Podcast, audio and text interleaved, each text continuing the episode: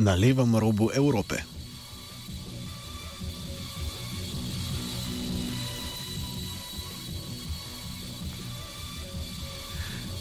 Nedeljo so portugalski voljivci glasovali o razdelitvi 230 sedežev v državnem parlamentu. Kljub temu, da so mnogi pričakovali nasprotno, je socialistom, stranki, ki je v imenu na vkljub še najbolj primerljiva socialdemokratskimi strankami drugih držav, uspelo stabilno vladati zadnja štiri leta. Podobno kakor levica Šarčevo vlado, sta vlado socialistov omogočali in podpirali dve razmeroma močni levi izven koalicijski stranki, levi blok in portugalska komunistična partija.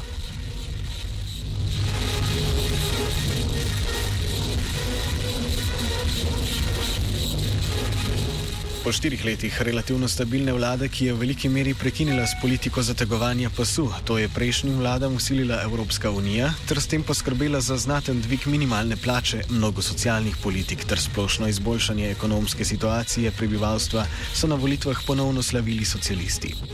Paktiranje sredino pa se levici ni obrestovalo. Tako levi blok kot komunistična stranka sta izgubila nekaj glasov, v parlament pa je prišlo večje število minornih levih, liberalnih in predvsem okoljevarstvenih političnih strank, prvič po dolgih letih pa tudi skrajna desnica.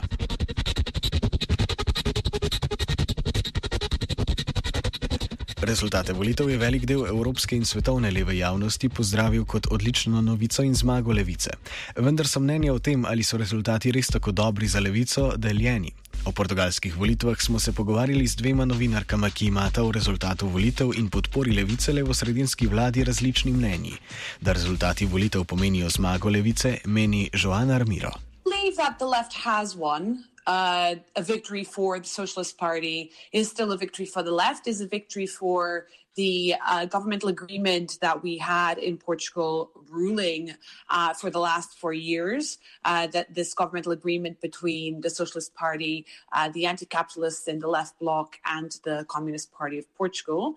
Um, that said, I think what was quite disconcerting, and perhaps in a way the, the victor of the evening, was abstention um, which was at 45.5%, which was even higher than back in 2015. Now, one could argue that the Portuguese voter always likes to abstain, uh, that particularly on days that are very nice, like the, this week has been incredibly warm in Portugal. So people might have decided to go to the beach instead of voting, but that still says something about their you know preferences when it comes to making a political decision how they feel that at the end of the day their vote will influence their lives. And what is i guess more surprising is that after 4 years in which the quality of life in portugal has quite visibly improved not as much as it still has to improve but compared to previous years it has seriously improved that more people did not feel they needed to come and assure the continuation of a project that had been governing Portugal for the last uh, four years. Nasprotnega mnenja je novinarka in politična aktivistka Katarina Princip. Uh, some people internationally um, are saying that the left won, but I, I, believe it's only possible to say that if you consider uh, the Socialist Party uh, which is the biggest party, uh, a left party. And I think that's not the most correct definition. And uh, because the Socialist Party, the Social Liberal Party, has been for many years. And so it's a center left, center party, let's say. Um, so in that sense, no, I don't. I don't think the left won. So the radical left party, the left bloc, was able to keep its uh, the number of its MPs uh, but um, but it lost uh, both in terms of um, voting and uh, percentage. And the Communist Party actually lost five of their MPs, and um, and uh, also a lot of votes and in percentage. So the left, to the left of the Socialist Party, which I think is the left that counts, did not do well in this election. Principe pojasni, kaj so vzroki poslabšanja rezultatov levega bloka in komunistične stranke. I think I think there are several explanations for that. Uh, one of the possible explanations is that um, the former governmental solution, so the last four years in Portugal, there was a government of the Socialist Party with the parliamentary support of both left parties. so the left bloc and the Communist Party. And this, of course, creates a complicated situation for the left because it is very hard in a moment where you're supporting parliamentary government to actually um, apply and fight for uh, and impose your own program. So the left party's programs got a bit lost in the daily life management of um, this governmental solution. I think that's one of the reasons. Other reasons can be that um, uh, there's also what what is interesting about this um, this election in Portugal is that for, there's there has never been more parties with parliamentary representation than now. So now we have nine parties on parliament, and it's possible that some of the voting of the left also went for uh, other parties. Um, and so I think that's the and, and it's also possible uh, that um, a part of the votes of the left actually went to the Socialist Party.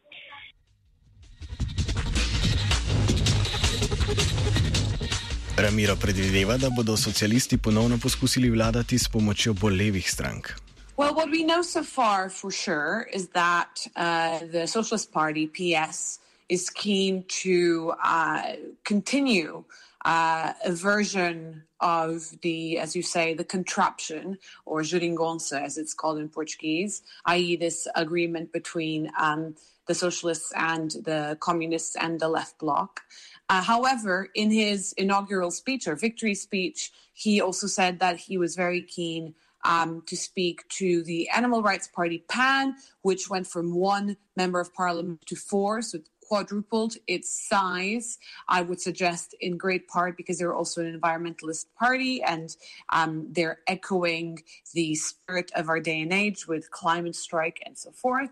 But also with this other party I was talking about, Livre, uh, which means free in Portuguese, and their one representative. So on Wednesday, that is tomorrow, they will uh, the socialists will be meeting up with their former partners of the left, the communists and the left bloc, as well as at some point or at the same time, we're not sure, with both uh, animal rights activists from PAN and the uh, one left uh, member of parliament from Livre. Podobnega mnenja je Principe. I don't want to make very clear predictions uh, because uh, the process of negotiations actually is only starting now. So we will see exactly what happens. I think there are several possibilities. There's the possibility of a new, maybe enlarged or maybe reduced contraption because right now, uh, distribution of seats in parliament would allow for the Socialist Party to form a government, even if, it, if it's a minority government with the parliamentary support of other parties, um, uh, to form a government um, uh, with only one of the two parties that supported the Socialist Party before. So there could be a sort of contraption. I mean, this just arithmetically, there could be a new contraption just with a, with a Communist Party or exclusively with a left bloc. So there can also be other forms of solution, or there could be even a more enlarged um, experience. Uh, bringing together some other the smaller parties that also got elected into parliament. But this is the, arithmetic uh, possibility. As what we can see from the last two days is that um, the left bloc is available to negotiate a four-year agreement or an yearly agreement, mainly based on the state budget. Uh, the Communist Party basically saying that they're not willing to negotiate for a four-year agreement, but they are they could negotiate policy by policy. Um, so it's still everything very unsure. Vendar Katarina Principe na ponovitev scenarija izpred štirih let, torej oblikovanje nominalno socialistične, de facto pa levo-sredinske vlade s podporo levice, ne upa. My opinion, my personal opinion about this is that to promote any sort of new contraption would be a bad solution for the left. Um, I was always critical to this solution as it happened, for the last four year solution as it happened. Um, uh, but now I think what the elections show is that uh, it wasn't such a popular um, uh, such a popular experience for the left as some left parties thought it would be. So I think in in if uh, any left party is to rebuild rebuild itself, it needs to be a consistent and coherent opposition to a social liberal government, which is the government of the Socialist Party. Vendar pa je principe ena redkih levih komentatorjev, ki nasprotuje podpori levih strank socialistom. I believe that the space for the left parties to impose a more progressive program and some important measures that define both of the parties' political programs was there, but they didn't take it. So basically, this is my opinion: is that in that particular situation, not to form some sort of agreement uh, would have been complicated. However, um, the, the, the concrete agreement that the parties signed was very, very backwards. Um, and most of the uh, central lines, uh, programmatic central lines of both the left bloc and the Communist Party just got lost in the negotiations. Um, so that's why I was against this particular agreement, how it was.